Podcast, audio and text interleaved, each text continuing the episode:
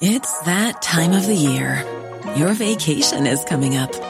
You can already hear the beach waves, feel the warm breeze, relax, and think about work.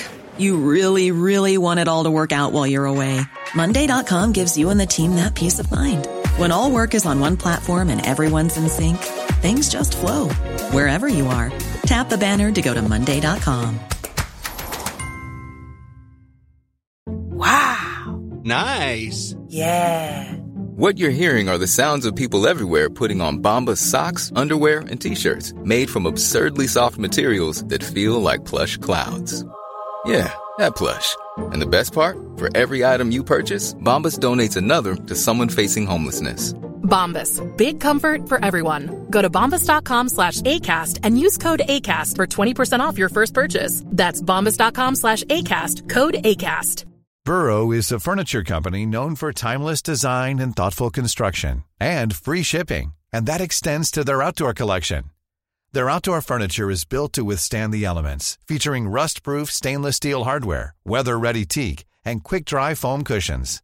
For Memorial Day, get 15% off your Burrow purchase at burrow.com slash ACAST and up to 25% off outdoor. That's up to 25% off outdoor furniture at burrow.com slash ACAST. Det här är Paparazzi, en podcast där vi går in på detaljer om kändiskvaller och populärkulturella nyheter. Ja, vi kommer att prata om allt du vill veta och allt du inte ens visste att du ville veta om kändisar. Jag heter Max. Och jag heter Michelle.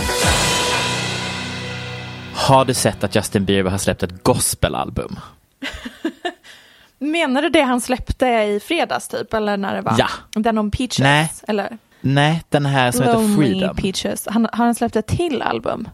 Jag har en EP på sex låtar som enligt, eh, enligt iTunes räknas som gospel. Freedom, ja. Och omslaget är bara då skärmdump ifrån Notes-appen. Perfekt. Ja. Okej, nu trycker jag. Lyssna lite här. 12 seconds later. Nej! Vänta! Paus! Paus! Big up to my brother! Förlåt, han blivit Det är- jamaican? Nej men det är han och Chet Hanks. Mm, Det är strong white boy, white boy summer energy. Vänta, Det är White jag ska Boy lyssna Summer vidare här. lite. Mm, Okej, så det, jag skulle beskriva albumet som en kombination av Chet Hanks och Drake, typ. Mm. Men jag älskar att han har blivit religiös. I love that for him. Mm. Jag tycker att vi TBH inte tackat um, eh, kristendomen tillräckligt. Nu när vi lämnar påsken bakom oss. Det, traditionerna, alla människor det har räddat, Maten. maten, du vet. Hur har din påsk varit? Prisa Gud. Ja. Nej men min påsk har varit eh, väldigt eh, mysig. Jag har eh, träffat släkt såklart. Mm. Gud, får man lov att säga det i dessa tider. Men ja, jag har träffat släkt. Ehm, och eh, bara ätit en massa, inte så mycket godis som jag trodde. Varsågod för kul livshistoria. Däremot har jag druckit mycket öl. Mhm. Tack, ja. Taking notes here in my eye care. Mhm, tack. Eh, din påsk då? Otrolig. Vilken högtid. 10 av 10. Det finns en risk att jag kommer gråta i dagens avsnitt. Oj, Man vet aldrig med mig. Nej. Känslor. Man är ju vädur. existerar. Man är ju vädur. Mm. Ehm, vad ska du prata om? Eh, Jag ska prata om Kate Winslet. Om eh, hennes lilla garderob av bögar som hon tydligen sitter inne med. Det här är, Um. ringer inte en klocka hos mig. Nej. Spännande det ska bli. Cher har blivit cancelled på, Ja. på Twitter. Bless her. Eh, Jag har tänkt även kasta in min My Two Cents gällande Peg Parnevik-situationen. Vänta lite, är det om eh, att folk pratar om att Ja. hennes kille, Ja. jag känner ju Linn. Mm. Britney Spears update och givetvis lite Lady Gaga mitt i alltihopa. Underbart. Ja men du hör ju, jag, jag är ju bara en homosexuell man med homosexuella intressen. otrohet, eh, garderob och eh, valfri gay icon-artist. Anyways, vad ska du prata om? Själv hade jag tänkt tala lite om kryptovaluta och sånt. Ja, Du vet. är det då du kommer gråta eller? Det kommer bli känslor. ja men nu vet jag ju redan. Så det, är- det är ju dumt att ställa den här frågan. Men jag antar att du såg Peg Parneviks lilla rant på Insta-story. Om killen som är med i Let's Dance, eller hennes kille.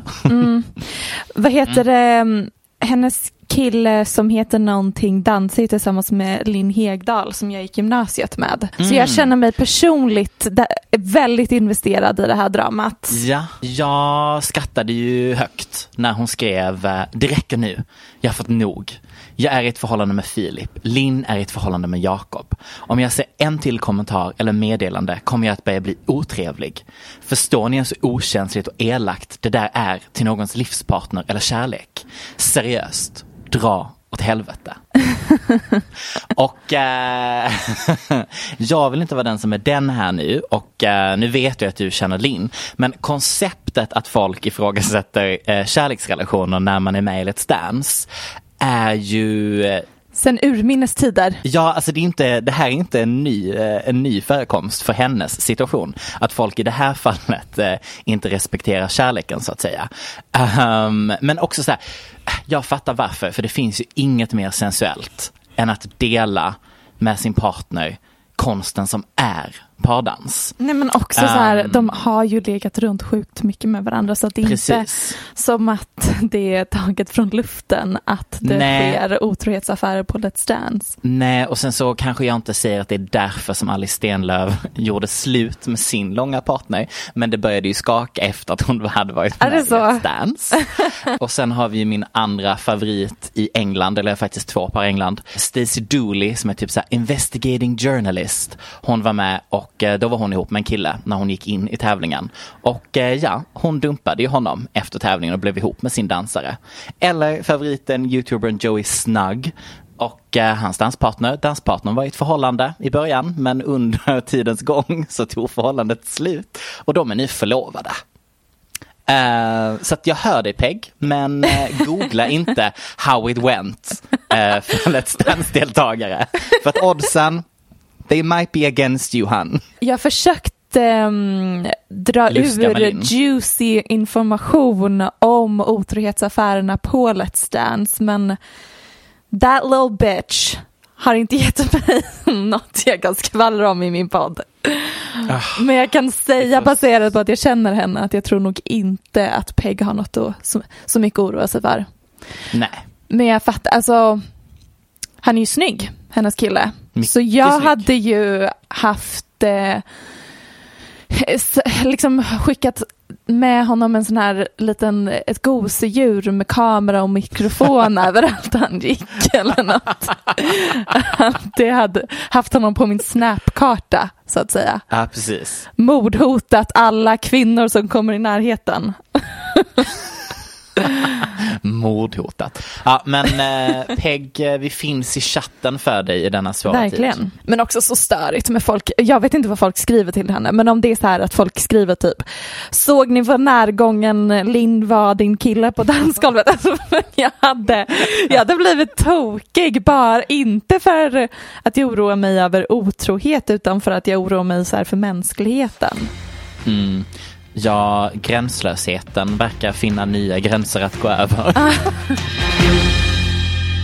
Då är det dags för Ekonomista-segmentet i vår podd.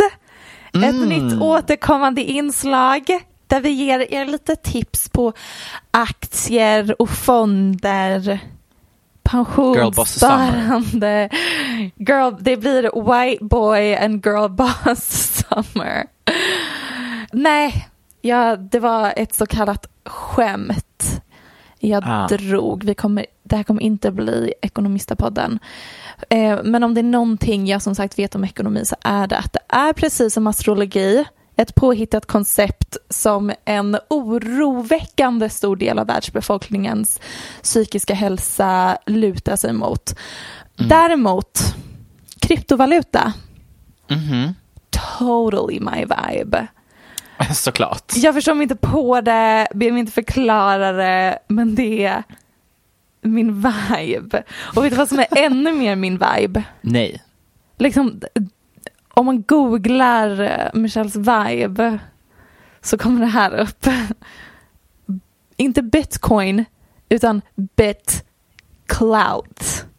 bitclout. Bitclout. Bitclout, the only financial currency in my world. Um, nu ska jag förklara här med reservation Tack. för att det jag säger kan vara helt fel.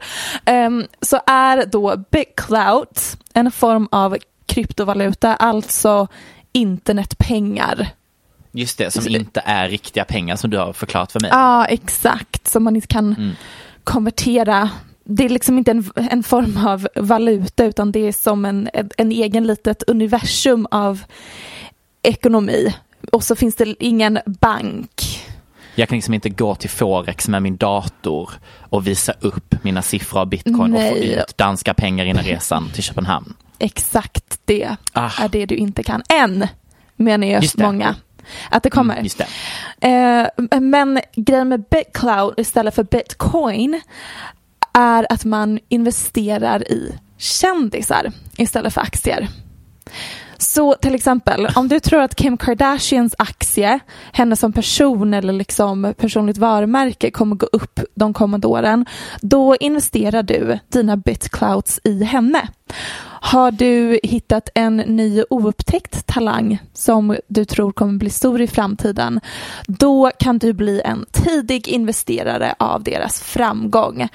Jag tycker ändå att när jag hörde det här, jag bara det här är något för mig.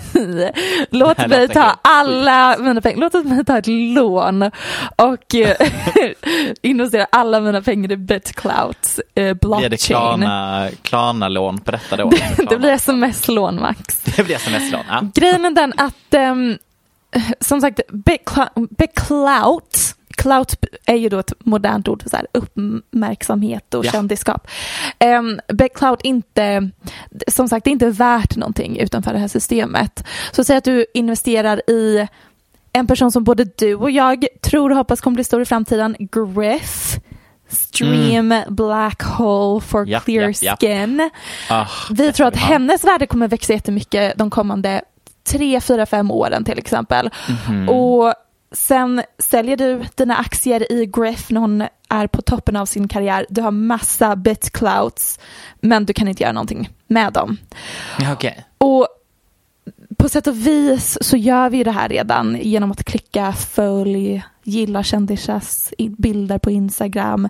Vi ger dem, eh, vi ökar deras värde på den riktiga marknaden. De kan tjäna mer pengar på sina samarbeten. Och jag tycker också att det är på sätt och vis det här vi gör med Onlyfans och Patreon och sådana plattformar också. Mm. Men nu när det är ens egna pengar man investerar i deras rykte så är det många som menar att det helt plötsligt bli, blir något slags in, ekonomiskt incitament att cancel folk, att bygga upp folk, att det blir ju liksom Mm. det tillkommer en ny nivå, att man vill ju dra Ja. ner konkurrensernas eh, rykte och värde på marknaden.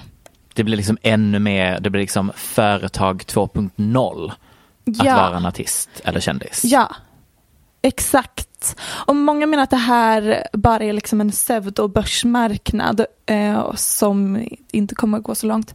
Medan andra menar att ja, det, det, det må finnas vissa detaljer som inte riktigt har utvecklats färdigt än. Men att det här är framtiden av vår, vår creator economy. Och jag tänker ändå att ja, kanske just BitClout inte kommer bli stor eh, eller ta över vår ekonomi på något sätt. Men någonting har det ändå. Att jag tänker att det kommer, vi behöver något sätt att kunna tjäna pengar på sitt kändisskap mer än bara kommersiella samarbeten. Som till exempel vad- Onlyfans och Patreon. Det visar ju på att vår ekonomi måste anpassas mer efter vår höga konsumtion av underhållning och innehåll.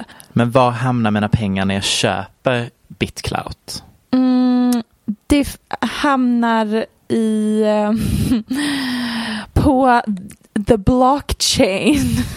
Okej. Ja.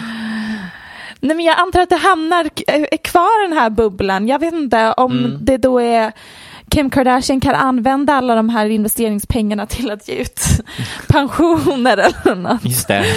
Ehm, eller snarare, det är väl tvärtom, att man använder pensionspengar till att investera i andra företag. I don't fucking know. Nej okej. Men det, då får jag nog ändå säga att det har lite, lite strukturella red flags. Ja, Men och det, men det jag hör de det. menar att det här är nytt. Och Mm. sen så är det, när jag läser på om det så finns det typ ganska, typ svar på de flesta funderingarna som folk har, men att svaren är så tråkiga att jag inte orkar läsa hela svaret. Nej, Men det. det. finns, Det är alltså jag tips när tänker som sagt, det här är inte svaret. Det här kommer nog inte Nej. gå så himla bra. Men någon ny form av system som, som, eller bara så här, det är så många contentskapare och vi konsumerar så himla mycket innehåll. Men det håller inte riktigt. Spotify verkar inte riktigt hålla. Därför skapar de titles som ger skaparna eh, en högre inkomst. Poddbranschen funkar inte riktigt. Därför skapas Patreon eller Podme. Mm. Alltså, vi Mm. försöker hitta nya sätt och nu så har de skapat bitcoin som något slags alternativ. Och det är en ny take på det i alla fall. Bitclout, du sa bitcoin. Ja, ursäkta mig. Ja. jag ber så Jag mycket om bara- ursäkt. Jag ville bara reda ut här. Ja, ja, tack. Det känns ju inte som en så tidlöst eh, namn på, på en valuta. Det känns, Nej, det känns väldigt samtida. det känns, det känns väldigt jobbigt när, man, när alla slutar säga clout för att det blir töntigt och så sitter man fast och Precis, det investerar är svårt att föreställa mig att om 200 år så kommer vi slänga oss med ordet clout. Jag har också svårt för det faktiskt. Svårt att tänka mig det. Så det är ännu en grej vi har spräckt hål på med BitClout. Apropå Onlyfans. Mhm. Bad Baby. A.k.a. Catch me outside, how Ja. about that? A.k.a. Danielle Bregoli. Mhm. Men som sagt framförallt känd som Catch Me Outside-tjejen. Hon fyllde Mm. 18 i veckan vilket jag tycker är helt sjukt för att hon har väl varit 18 Ja, i förlåt. 10 år nu. Ja, jag tänkte också det, jag bara, hon är väl jättegammal? Ja. Och så bara, nej, hon är 18. Men Hon, hon har ju var varit typ- en del av populärkulturen så länge. Men hon var ju typ 13 år när hon var med i Dr. Phil och bli, blev en meme. Och sen det, dess sant. så har hon släppt lite musik. Gucci flip-flops. Mhm. N- de, de heter andra saker också, hennes andra låtar kan jag Mm. tänka mig. Och eh, i veckan så fyllde hon 18. Och i sann 2021-anda så var det första hon gjorde självklart att skaffa Onlyfans. Givetvis, hade jag kunnat tänka mig något annat.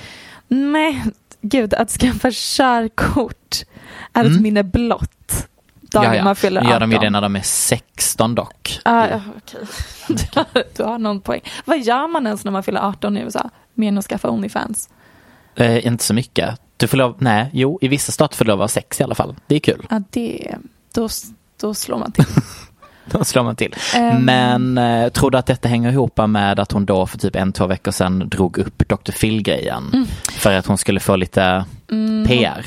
Hon försökte komma ut med någon information om att efter hon var med i det här Dr. Phil-programmet så skickade han henne till nå rehabilitering, Mm. disciplin, något sånt. Och att hon Typ samma som Paris att- Hilton hade varit på. Precis, att precis som Paris Hilton hade blivit misshandlad och misskött på de här hemmen så hade hon också det och att nu ville hon att Dr. Phil skulle ställas till sva- svars för det här och jag vet, jag, det, känn, det kan mycket väl stämma att hon blev Mm. misskött på hennes rehabiliteringscenter. Men det känns lite som att hon är i en, någon ny presscykel för liksom Ja. Bad Baby 18 plus. Och Mm. att nu så skaffade hon Onlyfans och hon tjänade en miljon dollar på mindre än sex timmar vilket bryter eh, Bella Thornes rekord. Ah. Som hon fick en miljon på 24 timmar. Så det var ju Men långsamt. Hon gjorde på sex timmar. Ja, mm. Ja. Det är så mycket pengar på så lite tid. alltså gud. Men oh, ja, vad förväntar folk sig att de ska se när de har liksom investerat i det? Nej, men ganska mycket tror jag. Jag kollade på hennes trailer. Mm. Den uh, var bra. Ah, var den lite avslöjande? Ja, jag kan, nej men hon har liksom anställt ett filmteam och kommer skapa sexigt innehåll. Mm. Det är ju porr. Hon kommer ju bli någon slags modern Porrskådis. nu. Ah, ah, ah, ja. Hon är faktiskt, en Mm. sak ska man ge henne och det är att hon har sen dagen hon blev en meme förstått hur Gud hon hon ska vända det här till en karriär. Ja, gud ja. Nej men eh, hon är ju barn av sin tid. Det är en girlboss vi har framför oss. Det är en girlboss. Hon kanske borde investera lite bitclout. Eller Ja. jag kanske borde investera bitclout Ja. i henne. Gör det as we speak. Har du läst Kate Winslets stora intervju som kom i helgen, Michelle? Nej, jag har inte ens hört talas om den. Nej. Eh, hon säger att hon är fed up with Hollywood hypocrisy. Det är jag Mm. nog inte ensam om. Nej, eh, jag har också inte läst artikeln, men däremot har jag läst alla artiklar som kom efter den här intervjun. Ehm, nämligen att hon stolt säger att hon, att hon känner minst fyra stora skådisnamn som inte vågar komma ut på grund av stigmat kring att vara skådis och ej hetero. Därför att man då ej får roller som folk då tänker att det är svårt att spela straight om man är homosexuell. Jag tänker Precis. att det borde väl kanske vara som med straight people att när de spelar bög så får man en Oscarsnominering men I don't know. It goes one way tydligen. um, anledningen till detta tema i intervjun är ju givetvis eftersom att straighta Kate Winslet spelar lesbisk i sin nya film. Men har, gjorde inte det i en... Var det inte hon som spelade i Carol också? Nej, Kate Blanchett. Ah, Kate Winslet. Gud vad... Det var nästan samma. nej, så att det är ju, hon var ju då inte med nej, i Carol, utan det här är en ny gång när hon spelar En lesbisk. annan, en annan Kate. Precis.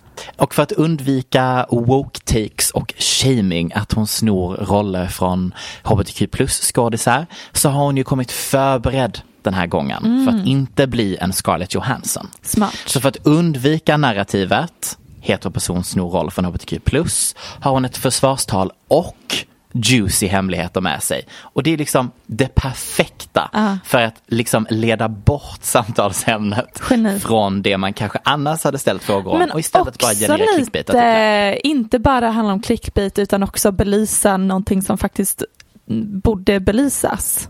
Exakt, exakt.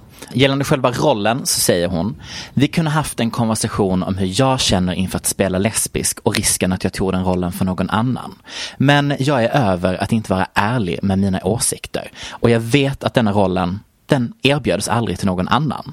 Genom att vara en del av filmen hade jag en möjlighet att föra denna hbtq plus historia in i folks vardagsrum.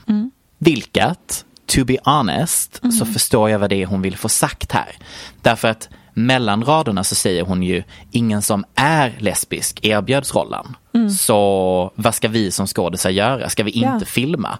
Ska vi liksom inte låta den här historien berättas? Därför att problemet ligger ju fortfarande på Hollywoods sida av det hela. Som inte Det vågar ligger på satsa. Hollywoods sida men jag tänker också att det är en konsumentfråga också. Precis. Vilka kändisar det är vi hyllar och ehm, vi hyllar inte eller vi blir inte lika intresserade av, vi eh, skapar inte samma slags fanbase för homosexuella kvinnliga skådisar. Kanske för att då kan, finns inte det här samma slags fantasi kring personen. Så att det är ju också vad som är hönat och, hönan och ägget. Det, det finns många hönor och ägg i Ja men det här. precis. Nej men verkligen, för det handlar, det handlar ju om var pengarna finns, inte huruvida Mm. Scarlett Kate eller typ Jake Gyllenhaal tar roller Exakt. som liksom ändå inte erbjuds från början. Och jag är kanske rätt lite skeptisk när jag börjar den här pratan. Men jag tycker faktiskt att Kate um, kommer med, points were made så Mm. att säga i den här intervjun. Um, hon belyser även att det är ett stigma som ofta mer drabbar eh, män än kvinnor. Eftersom, som hon själv säger, Hollywood måste släppa den utdaterade synvinkeln. Kan han spela straight? För tydligen är han gay. Så därför så blev jag lite snygg. Först tänkte jag att vi skulle göra en lek. Som här. Som var, gissa om liksom han är gay eller straight. det här. Mm, precis. det hade varit en otrolig lek. Den hade jag ju då döpt till uh, Gissa om han är en av kids garderob eller inte. Men sen så tänkte jag så här, ja men då kommer jag bara kasta ur med olika namn. Så jag vill istället bara höra tre namn från dig Michelle. Åh, som du nej, tror. Eller två. Vad jag minns. Jag kan ge dig en redan. Ja. Som jag tror hon kan syfta på. Mhm. John Travolta. Ja men det är ju sen gammalt. Mm. De, det redan snackas om John Travolta, Tom Cruise, Mm. Kanye West. Jag såg en tweet som var, nu, nu när du ber mig gissa vilka Mm. skådisar som egentligen är bögar. Såg en tweet som var Straight people don't have gaydars, they have stereotypes. Så jag känner jag känner mig sedd av den tweeten. Ja. Ehm, ehm, det har ju även funnits snack om både um, Will Smith och Jada Pinkett Smith. Om att de det har ju funnits så himla mycket snack om dem och att det bekräftades väl typ att Jada i alla fall förmodligen inte är lesbisk med tanke på att hon var otrogen med mannen August Alsina. Just det. Men hmm, För en av personerna sa Kate är bisexuell. Men inte vågar komma ut som bisexuell. Nu går vi in på Reddit och ser Mm. vad de säger. Straight celebrities you suspect are closeted. Sean Mendes, surprise att han kom upp. Ah, surprise. Maybe Tom Holland, han som spelar Spindelmannen, det tror inte jag. Cristiano Ronaldo. Mm, det, är ju- någonting är det ju som pågår med honom med tanke Ja, på att det är någonting. han Fast har nu är vi skaffat inte bland skådisar. Nej, nej, men det, det är Reddits fel. Okej, här är enligt Blind Items, vilket är en sån skvallerhemsida, Bradley Cooper. Mm, nej. Nej. Mm-mm. Den får två fem. Hugh Jackman. Ja, du. Någonting Den kompenserar han för i gymmet. Någonting kompenseras för. Eh, Tom Cruise har vi här. Sandra Bullock. Det tror inte jag. Hon var ju svinkär i Ryan Gosling. Då det begav sig. Men hon kan ju vara bi. Chris Evans. Mhm. Maybe. Här står det en till som har skrivit Bradley Cooper, Hugh Jackman. Hmm.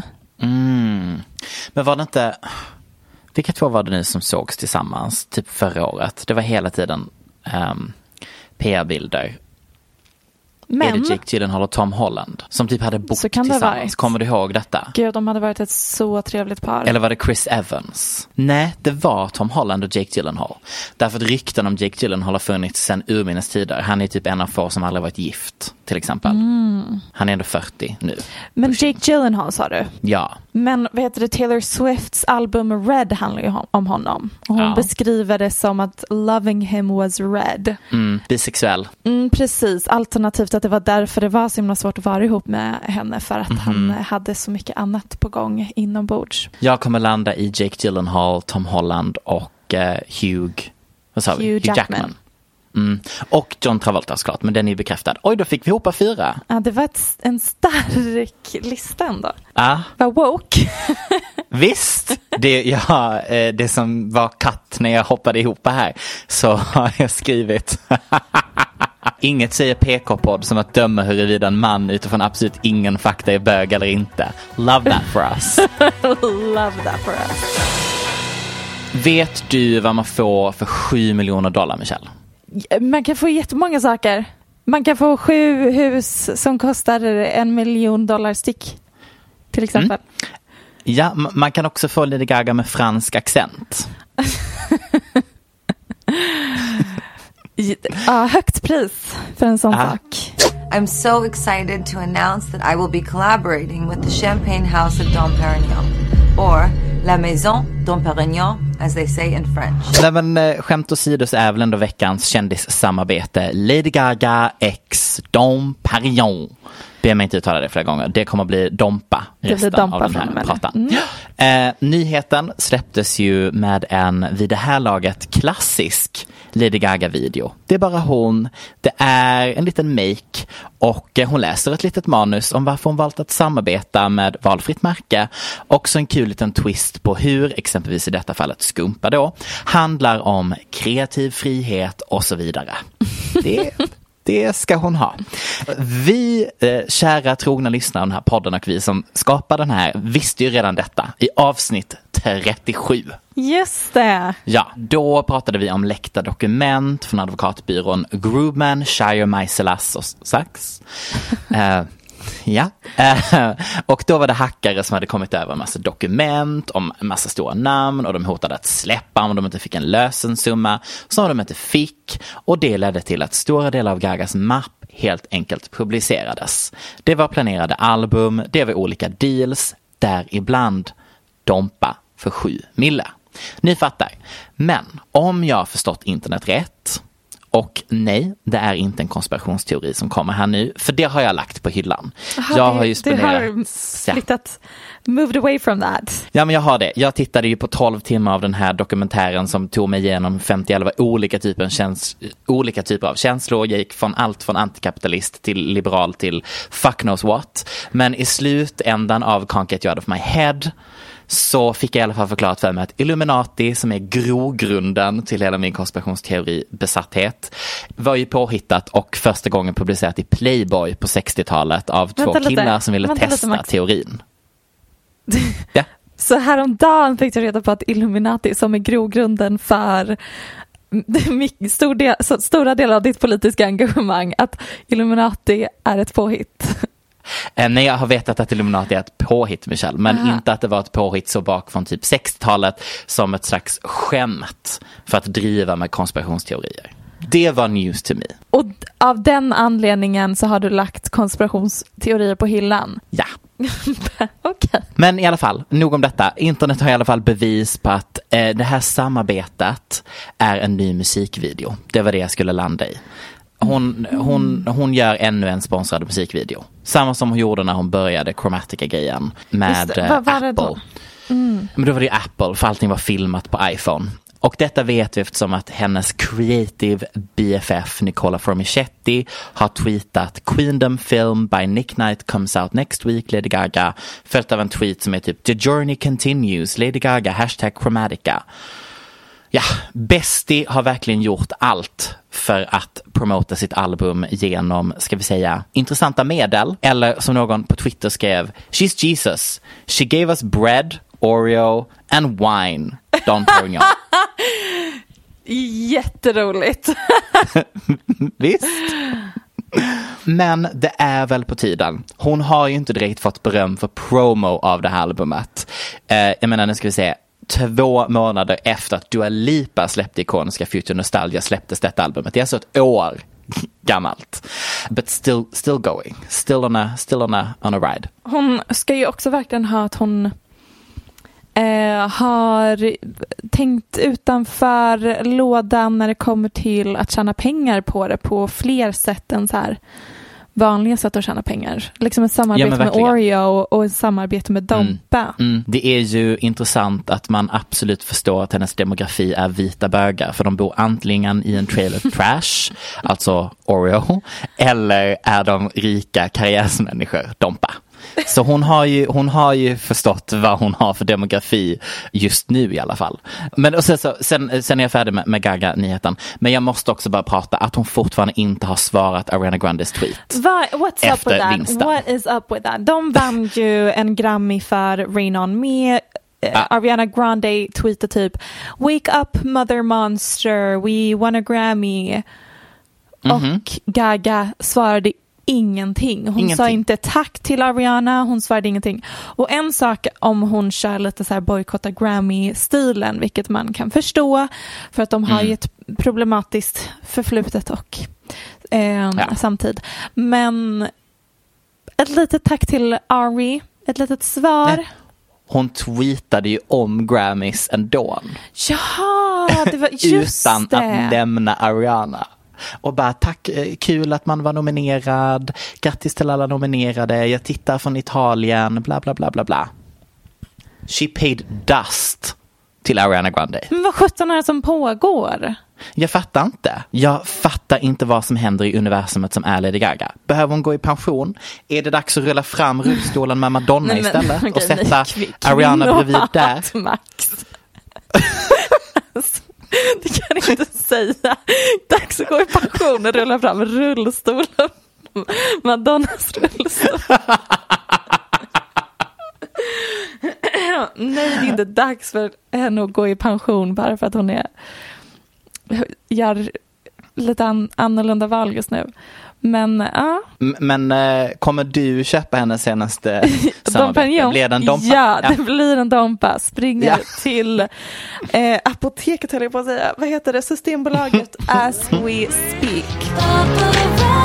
Nej, men nu jag såg Lady Gagas nya samarbete för det som att jag tänkte Va?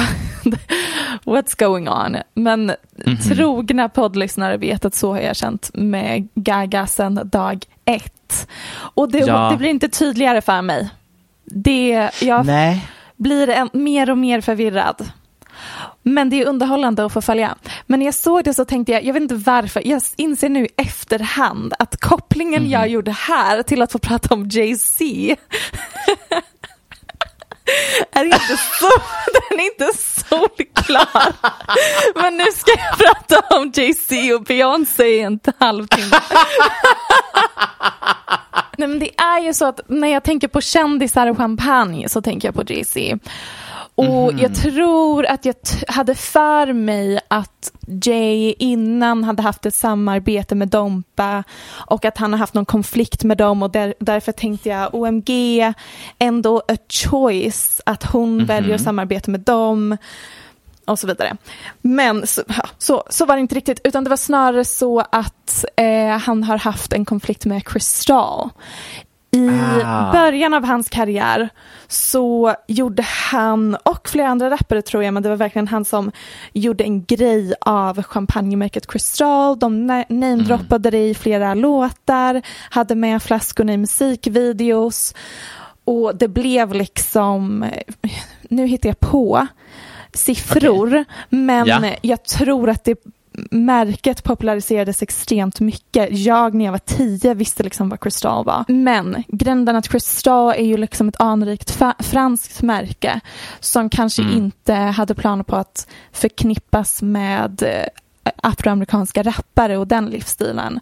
Så när Crystals vd fick frågan om vad han tycker om att märket förknippas med rapmusik så svarade han What can we do? We can't forbid people from buying it. Ooh. Vilket Jay-Z och många andra rappare tolkade som okej, du uppskattar liksom inte svarta som konsumenter, du vill inte förknippas med svart rapmusik för att liksom rasism, fördomar, eh, det är inte tillräckligt anrikt eh, för er. Så samma år så bojkottade han Crystal och ehm, hade med Arman de Brinjac-flaskor i sin Show Me What You Got musikvideo. Eh, det märket kallas även för Ace of Spades. Och nu har han även eh, han, han köpte 50 procents andel i Ace of Spades eh, märket eller företaget. Som jag nu såg att han sålde en andel av till eh, Louis Vuitton Moet Hennessy konglomeratet. Eh, petitesser, men i alla fall, han bojkottar Det är de som Crystal. också har Dompa. Det är de som också har Dompa säkert, det är de som också har Fenty, så det känns Ja. som ett konglomerat som tror på den svarta entreprenören och konsumenten, Mm. vilket jag tyckte bara var intressant.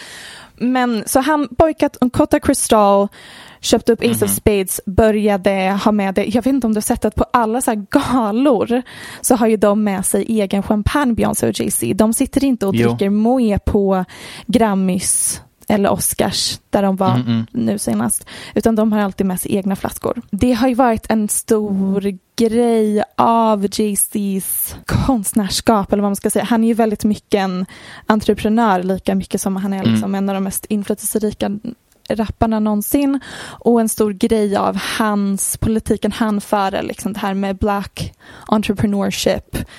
Eh, han kommer aldrig beställa eh, någon sprit som ägs av en vit man utan det handlar om att stötta svarta entrep- entreprenörer och så. Mm. Ehm, vilket jag tänkte, ja och sen hittade jag ett citat där han skrev att USA fortfarande har a long way to go towards inclusivity. I'm the highest ranking African American owner of a luxury goods product.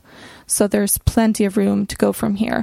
Vilket jag tycker, det sätter in honom som person och mycket av det som pågår bakom kulissen i hans karriär. Han jobbar ju Mm. mycket med investeringar.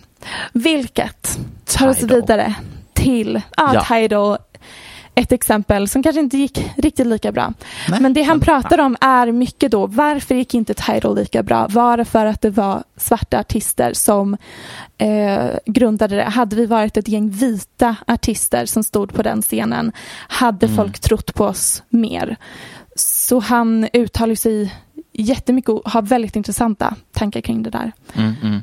Vilket för oss vidare till nästa segment i detta ämne som grundade sig i Lady Gagas samarbete med Dompa. Det, dagen har kommit för oss att tala om Beyoncé och Jay-Z's äktenskaps... b- problem i äktenskapet. Ja! Eh, wow. Det här är en resa som jag inte hade buckled up för. Men jag är redo. När jag skrev det här tyckte jag ändå att det här, kopplingen finns. Det här kommer kännas Mm. naturligt att fläta ihop. A- absolut. Nu känner jag, det kanske var optimistiskt, men jag vet att det är många som har bett mig att prata om det här. Min take på hela hiss-situationen som resulterade i Lemonade-albumet. Okej. Mm. Vad har vi på Beyoncé och Jay-Z? Nej men på Beyoncé och Jay-Z har vi att jag alltid har tyckt att han är lite ful och hon är jättesnygg och att jag aldrig förstod kärleken. Oj. Det var min take. Jag tycker att han är Ja. jättesnygg. Framförallt nu på sistone. Han har verkligen glowed up. Fair enough. Men eh, ja, det var min take. Tack så jättemycket. Nej men ett- jag tycker att det är många som avfärdar deras relationsdrama som liksom ännu en man som var otrogen, ännu en rappare som är misogyn. Um, men jag tycker att det här är kanske den mest intressanta, öppna, ärligaste, också så här kronologiska berättelsen om otrohet som vi har. Jag vet inte om det finns ett offentligt par som har pratat så mycket om det, varit så ärliga, skapat så mycket musik kring det, haft så extremt ehm, vacker och konkret lyrik kring processen som var att ta sig igenom först alla dessa svek och sen komma ut på andra sidan.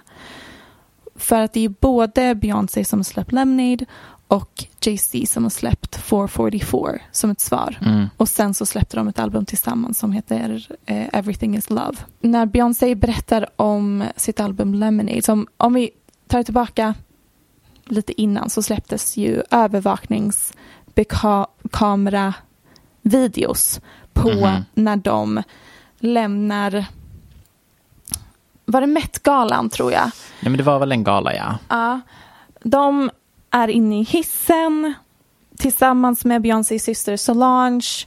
Man ser att de pratar med varandra, har någon slags konflikt. Solange börjar slå Jay-Z.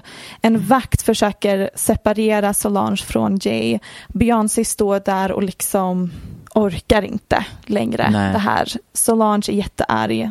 De lämnar hissen. Sen säljs det här, den här videon till TMZ. Och det är första gången vi får den här typen av inblick i deras förhållande. För att de har verkligen inte pratat om deras... Alltså, Beyoncé har som sagt gjort en jättestor grej av att bygga sin karriär på att inte vara privat. Hon vill inte vara känd för dramat. Hon vill inte... Hon vill vara känd för sin talang och hårda jobb. ja. Det hon skapar. Ja, men sen insåg hon väl att som konstnär så måste hon ju gräva där hon står. Ja. Och det gjorde hon med Lemonade. Och Ikoniskt album. det, det må man ändå säga.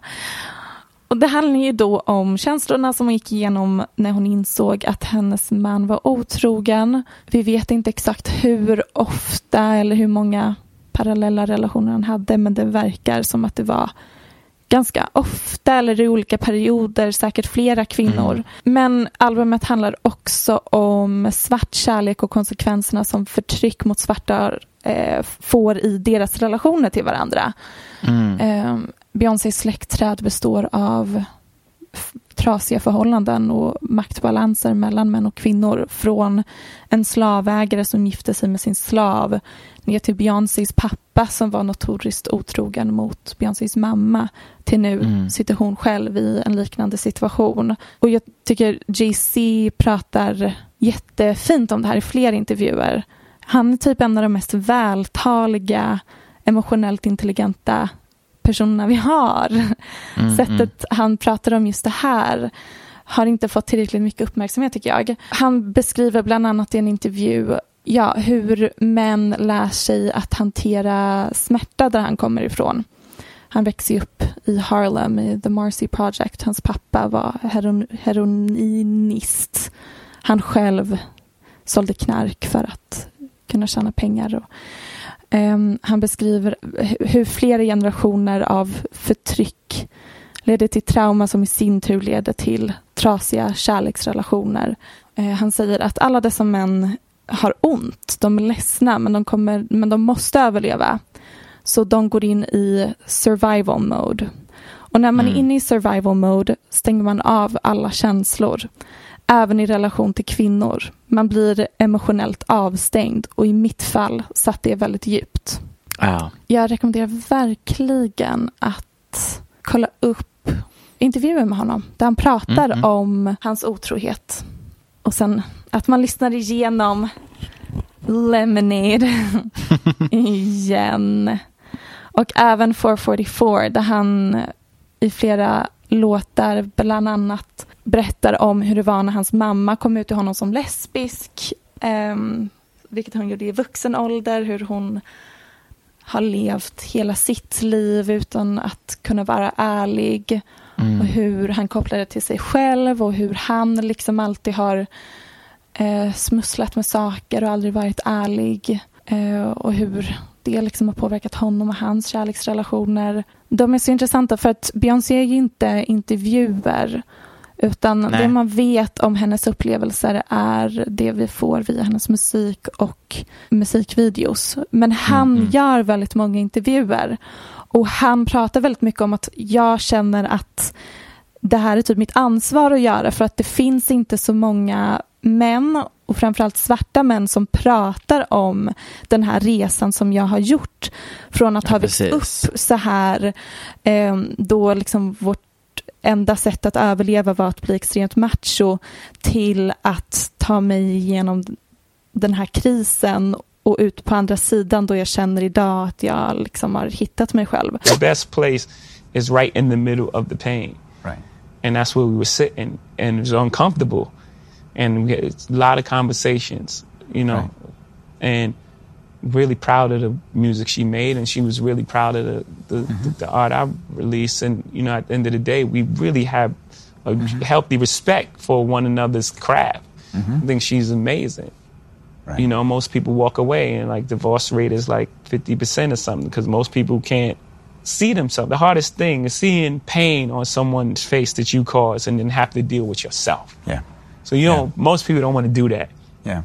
You don't want to look inside yourself. And so you walk away.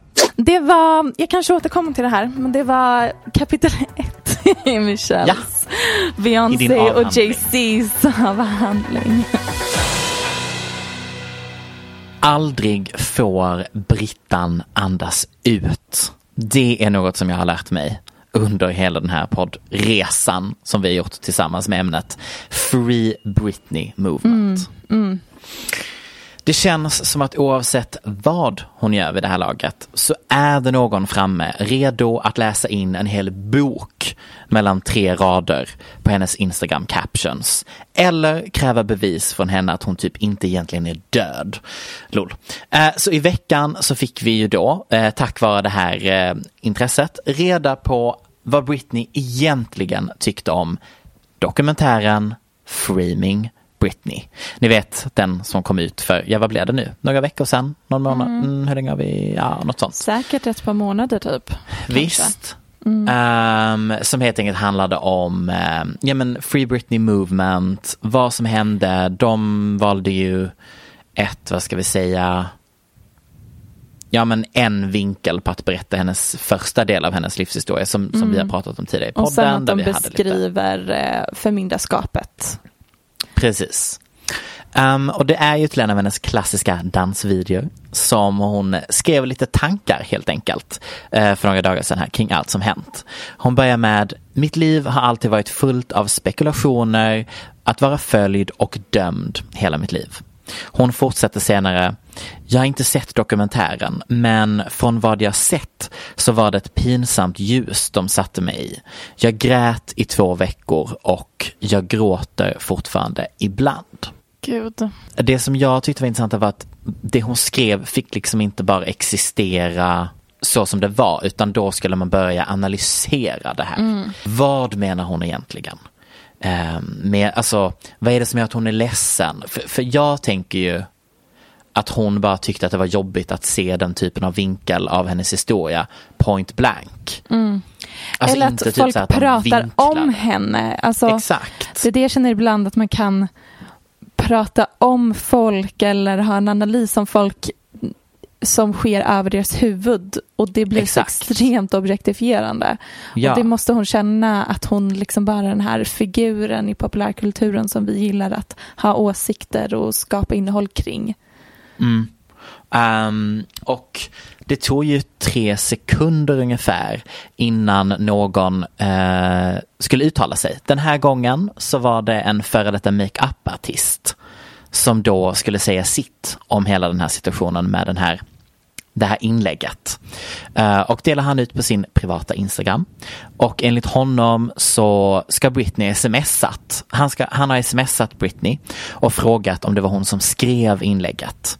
Och uh, då ska hon ha svarat att hon inte alls har någon kontroll över det som skrivs. Utan att hon, hon, hon har hand om själva content-videon men inte det som skrivs. Alltså bildtexterna? Ja, precis. Och ungefär samtidigt så kommer en random eh, deltagare från Netflix Selling Sunset med en liten print screen på att hon minsann har lagt upp, eh, hon lägger upp skärmdumpar på att hon har kommenterat det här inlägget med samma oro om att det här kan omöjligt vara Britney som har skrivit detta. Och sen togs hennes kommentar bort. Och nu känner jag att vi börjar bli lite, alltså vad håller vi på med här? Och då har enligt TMZ Britney hört av sig till dem. Mm -hmm. För att dementera det här ryktet. Hon säger, jag skrev det själv, jag vet inte vem han pratar med, men jag har inte pratat med honom. Den här makeupartisten. Ja. Det kan ju vara Britneys personal som har hört av sig till TMZ. Eh, jag bara tänker, ja, det känns extremt eh, konspiratoriskt och jag tror att det var Britney som skrev det själv. Och jag kan mm. förstå att det kändes jättekonstigt att kolla på det och veta att folk Ja, men vi vet ju också att hon faktiskt har sagt till sina advokater att hon är tacksam till Free Britney-rörelsen och att ja. det inte alls är en konspiration eh, att hon är fast i förmyndarskapet Nej, precis. Och hon är tacksam till det liksom och ser det som att det är en naturlig konsekvens av att hennes pappa har hållit på som han har hållit på i så många år. Att mm. hennes fans kommer skapa den här rörelsen till slut. Men eh, jag vet inte, jag kan tänka mig att det som var konstigt för henne att, att se framförallt var liksom den här analysen och taken på hennes förhållande som skedde mm. i hennes tidiga twenties. Och att folk bara wow det var sexistiskt och jag som samhällsfenomen så var det ju det men för henne personligen var det ju bara ett helt vanligt tonårsförhållande med lite mm. otrohet och, och så. Det är roligt för att i uh, Framing Britney så är ju Perez Hilton med som ett exempel på en av de här personerna som ehm, fick henne att må dåligt genom att sprida rykten och, och grejer. Men när dokumentären kom ut så var hans take att alla dessa dokumentärer om Britney, they're just exploiting her even more. Och Ah. Perez, he has a point. Ja, för nu ska väl Netflix göra en också? Ja, nu har, alltså det är jättemånga nya dokumentärer om Britney och Free Mm. Britney och det, det blir så konstigt just för att hon inte kan uttala sig. Så Nej, blir exakt. Det ju väldigt att vi har en konversation och intellektualiserar kring hennes roll i populärkulturen och hennes ung barndom. Tänk bara att någon annan gör en film om din barndom på det sättet. Det Ja, känns säga ett jättekonstigt. ja, man att Ja. bara mm, Nej, gud vad det känns som att någon annan tar kontroll över ens narrativ och, och liv och hur man representeras i kulturen. Ja, men jag tänker att det blir lite som, alltså för så, eller fortfarande, men det skrivs ju väldigt ofta så här, inte, vad heter det när det inte är en biografi, men det skrivs av någon annan som typ så här, my, my moments with, eller my meeting with, och så, så bygger man upp hela det här narrativet kring en av eh, en, en kändisperson som man har varit i kontakt med. Det är ju, och de brukar vi ju inte ge så mycket utrymme. Det brukar ofta vara typ så här nummer 150 på, på veckans mest sålda bok. Liksom. Alltså det händer inte så mycket med det. Men i detta fallet så låter vi samma typ av koncept bli sanning i flertalet dokumentärer. Och det är jättekonstigt egentligen. Om man ska vara helt ärlig. Mm, men jag kommer fortsätta kolla på dem. Dumois har varit igång igen Mhm. med lite fun facts om Skarsgård-familjen. Ah, Det är nämligen så att många fans som har träffat dem på sistone har berättat att Alexander Skarsgård luktar väldigt gott. mhm. Och när Dumois frågar vad tror du, hur luktade han? Så beskriver de, it doesn't smell very obviously like a cologne. It smells more like he's the one who naturally smells good. Och sen så är det, det roliga är, och det här är så himla creepy, men då är det många som skriver in att de känner Skarsgårdsfamiljen. Liksom det är släkt. Är det någon som skriver här? I actually know their cousin and her mom and dad. Smells like earthy fresh as well. I thought I was crazy for thinking of this. Maybe it's a family thing. Their cousin doesn't have that smell though. Eh, det är någon som skriver Oh my god, I'm going to their cousin's family house tomorrow for a little Easter get together and I'm seriously considering snooping in the bathroom to find if the Skarsgårds have a custom made family cologne maybe. Should I snoop? Och så skriver Dumma istället för att snoka runt i deras badrum kanske bara fråga dem Ja. vad de använder för parfym. Just det, det är någon som tror att de vet vilken parfym det är. Den heter Encounter by Calvin Klein. Det känns lite väl basic för att vara Skarsgård. Ja, men det är också att de har samarbeten med olika märken och då typ enligt kontraktet måste de bära den parfymen i x antal år och sånt. Sant. Jag tyckte det var, det blev så roligt. Med andra kändisar så är det aldrig att det når nivån av att jag ska hem till deras kusin och fira påsk Men det är. Sverige. Det är så Sverige. det är, Också att alltså de så skriver det. Ja. Skarsgårdsfamiljen måste ju veta eller så här, på något vis få reda på att det är någon som har sagt att de ska hem till er i helgen och snoka Ja. i era badrumsskåp för att ge privat information om det här skvaller Instagramkontot. Himla konstig grej. Men så roligt att Skarsgårds tydligen luktar jättegott. Jag, jag läste nog inte upp det nu men en, en till, eh, ett till meddelande var att även så här Bill luktar svingott så de bara åh det måste vara en familjegrej. Kul. Den enda andra kändisen som man alltid får höra lukta svingott är, är ju Rihanna. Och som vi har nämnt i podden Ja. innan eh, Alexa Chung luktar potatis. Men jag tänker att svenskar överlag är rätt så bra på att eh, dofta gott. På hygien Mm. Mm. Men jag tror ändå, med vissa undantag, typ Robert Pattinson, så vill jag ändå tro att de flesta kändisar ändå har god hygien. Mm. Men jag, ja, mm. Ah, ja. Så, eh, intressant. Jag undrar hur det gick för den där personen som snokade runt i Skarsgårds badrum. Saker som är kul på Twitter, share. Saker som inte har något filter på Twitter, share. Saker som kan gå hemskt fel när man lägger ihop share plus inget filter på Twitter. Ja, det är följande tweet. Was talking with mom and she said I watched trial of policemen who killed George Floyd and cried. I said, Mom, I know this is gonna sound crazy, but I kept thinking maybe if I'd been there I could have helped. Mm. Jag såg den här. Jag tänkte, Mm.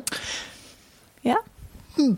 Det, det var Det var också ett beslut. Men herregud, hon 2021. är liksom 70 plus. Hon får Ja. tweeta vad hon vill. Ja men lite så. Men svaren på tweeten gick ju eh, i, i vanlig ordning typ Love you, men detta var tondövt eller som att du hade kunnat rädda versus alla som var där och försökte. Det ska inte behövas en vit person och, Nej, såklart. Men och det var rimligt men jag tror att du kommer landa i samma som jag tänkt säga här nu. om det är någon som hade här kunnat... Alltså helt, alltså krasst. Vi fick ett glas vin här. Nej men, nej men jag tror att du, gud vad du sänker det där vinet. Oj oj oj oj oj, det var sex. Förlåt? Det var sex snips i, på rad utan en paus. Kan man få ta sex sips på rad utan att bli kritiserad? Tack. It's been a long day. It's been a long day. Nej men alltså allt det här som de säger är ju såklart rimligt. Men, men, om vi ska vara helt krassa här nu så hade det varit skillnad på om Cher hade gått fram versus valfri medborgare. Ja, ja. För att det är väl hela konceptet Hade- bakom Låt kändisar. oss säga att Cher, hon var med i That's So Raven. Ja. Hon var där på gatan där George, George Floyd blev mördad och ehm, hon såg in i framtiden att det här kommer hända snart. Då, och hon kom på att om jag ställer mig här och sjunger Do you believe in love Ja. så hade jag kanske kunnat stoppa det från att hända. Ja. Hun- hun- 100 procent.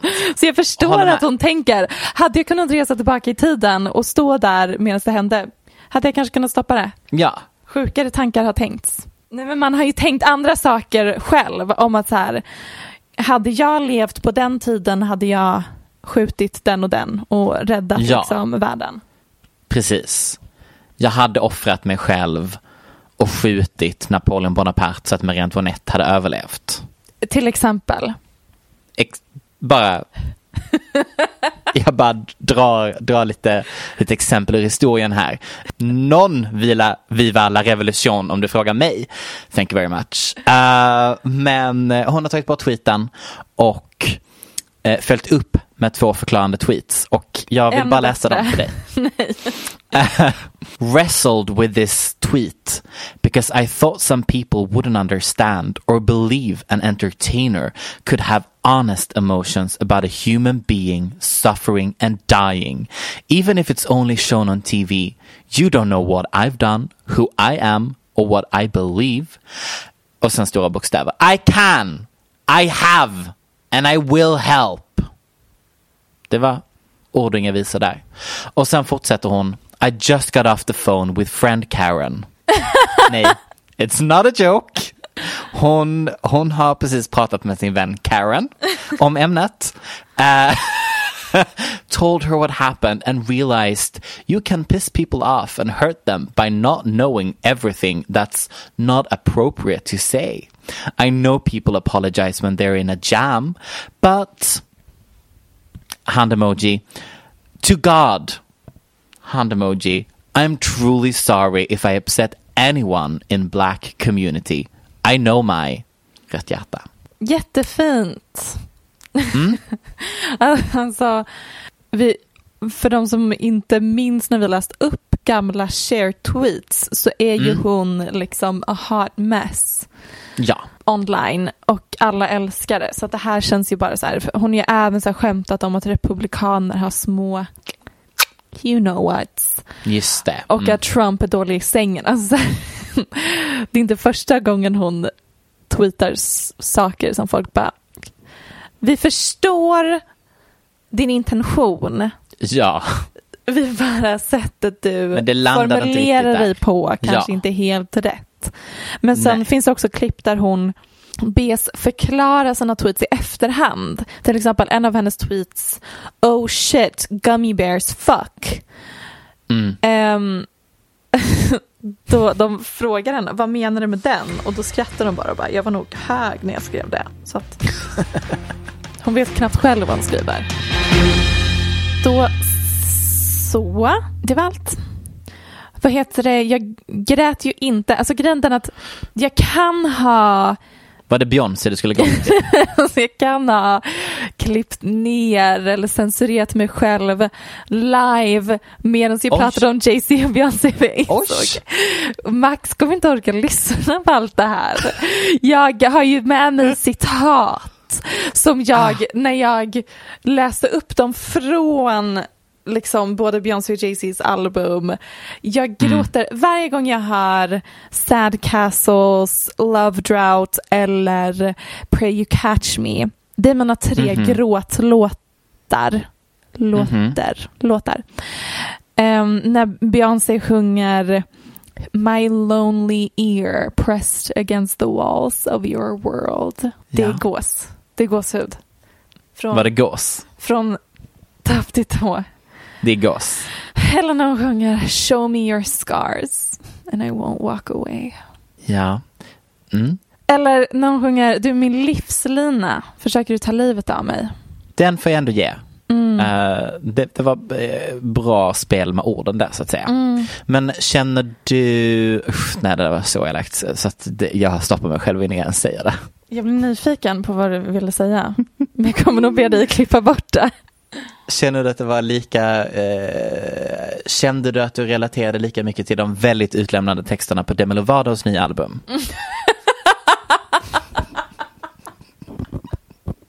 The segway though! The segway. Men vet du, jag älskar Demi. Ja. Hon är en helt otrolig sångare. Ja. Jag tyckte hennes förlovning till Max Eric var det roligaste vi fick 2020. Ja. Men jag är inte, utöver det är jag inte så intresserad av henne. Så att jag har liksom Nej. inte studerat, eh, jag har sett rubriker om att hon delar med sig om trauman hon har gått igenom i det här På albumet. 19 låtar. Ni- 19 låtar. Gud alltså, Demi Lovato. Där tycker jag också att vi ska tacka, för hon har väl också hittat Gud? Ja. Jo men har Eller? hon väl. Annars känns det Jo, som men- att det är dags. Det känns som att det är dags jag kan ja. verkligen rekommendera Hillsong för Demi. Mm. Och att hon, även hon släpper ett gospelalbum. Gud vad kul om hon hade blivit ihop med Andreas Wik. Det känns som ett par jag hade chippt. Ja. Vem vill vi hon ska bli ihop med? Liksom? Vem hade varit bra för henne? Vem kan bli hennes Hailey Bieber? Vill du verkligen fråga mig det? Det känns inte som att Andreas Wik kommer göra henne lycklig menar jag bara. Så jag vill... Jo men han känns liksom som en skandinavisk version av Max Eric. Du har en poäng. Han hade ju också Eh. ställt sig på en, äh, ringt paparazzi till en strand Mhm. och stått och gråtit över att ha blivit dumpad liksom. Så jag tror ändå att det hade varit en Nu a kommer jag ride. googla, vänta lite, jag vet vem hon ska bli ihop med. Kanye West. de, de kan släppa ett gospelalbum ihop. Oh my god, det hade varit så intressant. Kanske inte så bra för någon av dem, Kanske lite ostabilt. men bra för konsten. Men vi kommer väl landa igen i att hon behöver hitta en vanlig, typ en präst inom Hillsong. Mm, de verkar i och för sig. Fast jag vet inte om, om sektliknande kyrka är rätt för henne och det känns lite, lite skakigt liksom. Ja, det gör ju det. Jag hade kanske, kanske unnat henne åtminstone, men kanske katolska kyrkan. Ah, det är också lite sektvarning på det sättet. Ja. Nej, men då lämnar vi det då. Då lämnar vi det då. Ja. Ja men vad bra. Problemlösare du och jag på kändisarnas trauma. Tack för att ni har lyssnat. Tack ni lyssnar på oss på Aftonbladet en vecka innan. Och följer oss på Instagram, paparazzi-podden. Vi är inte jätteaktiva där, förlåt. Nej, verkligen förlåt. Men Eh, ibland så Ibland så bränner vi av kanske tre inlägg på två dygn och sen så går det Såg två du- veckor. Men vet du vad? så, så funkar det. Men såg du att MJ, alltså Kardashian-mormon, la Mm. upp en oredigerad bild på Khloe Kardashian Älskar. som var, man vet ju att Khloe redigerar sina bilder extremt mycket, att alla Kardashians redigerar sina bilder, men att Khloe gör extremt mycket. Men när man fick se den här bilden blev man ändå chockad och bara, oh, oh, oh. hon redigerar sina bilder så mycket.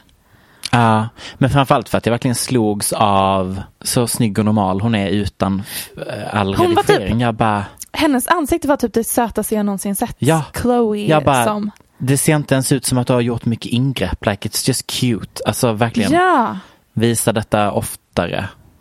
Men ja, det är också enkelt att säga. Jag vet att hon säkert 180% lider av extrem body dysmorphia. gud ja. Efter den här gänget, liksom. bilden kom ut så la hon ju upp så här en slideshow av tio Ja. bilder där hon försöker se smal ut. Så.